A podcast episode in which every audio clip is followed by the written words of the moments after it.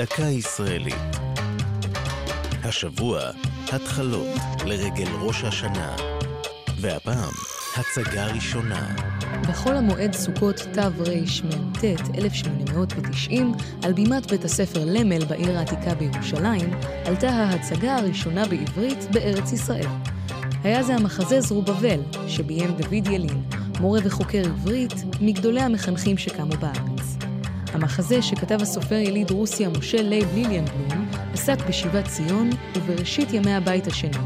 משל לחלום שיבת ציון בעידן החדש. זרובבל נכתב במקור ביידיש, אך ילין תרגם אותו לעברית, וכך שילב בין החייאת השפה לתכנים הלאומיים. השחקנים, תלמידי בית הספר, עוררו התרגשות בקרב הקהל. מדי פעם נשמעו קריאות בראבו.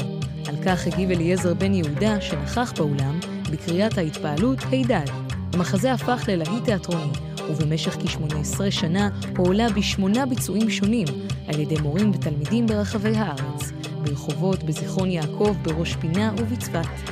בעקבות הצלחתו נפתחה מסורת של העלאת מחזות היסטוריים בבתי הספר של היישוב היהודי בארץ ישראל. זו הייתה דקה ישראלית על התחלות והצגה ראשונה.